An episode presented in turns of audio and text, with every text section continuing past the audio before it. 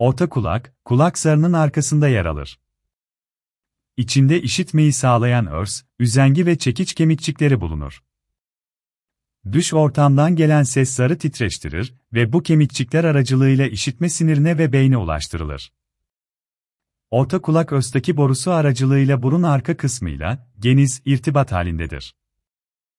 Östaki borusu sayesinde orta kulak hava almakta ve bu sayede iç basıncı atmosfer basıncıyla eşit hale gelmektedir. Östakide fonksiyon bozukluğu olursa, hem orta kulak havalanamaz, hem de negatif basınç nedeniyle zarda çökme olur.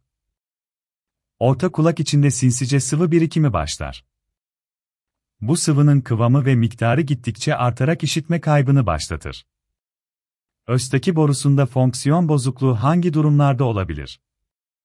Çocuklarda gerek çapının dar olması, gerekse daha yatay pozisyonda olması nedeniyle burun ve boğazdan enfeksiyon yapıcı ajanlar östaki borusundan daha kolaylıkla kulağa gelirler. Bu tip geçirilmiş enfeksiyonlar östakide yapışıklıklara ve çalışma bozukluklarına yol açabilir. Bunun yanı sıra büyümüş geniz eti ve alerjik burunlarda östaki ağzı çevre dokuların şişmesiyle tıkanarak östaki fonksiyon bozukluğuna yol açar. Doğuştan yarık damak bulunması bir başka yetersiz östaki fonksiyon sebebidir. Kulak tüpü ameliyatı nedir, ne zaman yaptırmak gerekir? Tekrarlayan orta kulak enfeksiyonlarında, özellikle ilaçlara rağmen yanıt alınamıyorsa tüp tatbik edilmelidir. Sıklıkla geniz etinin varlığı da bu kulak enfeksiyonlarının tekrarına neden olduğundan altında mutlaka araştırılmalıdır. Saptanması durumunda da aynı seansta cerrahi olarak geniz eti de alınmalıdır.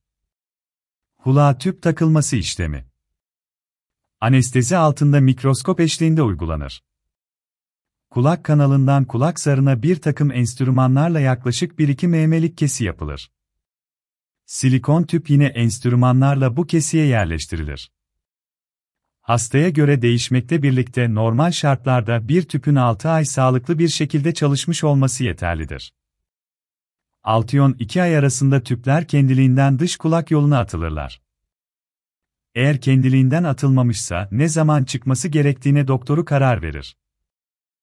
Özellikle tekrarlayan hastalıklarda ve tekrar ameliyat gereken vakalarda tüplerin uzun yıllar atılmaması istenebilir. Bu durumlarda farklı tüp çeşitleri tercih edilebilir.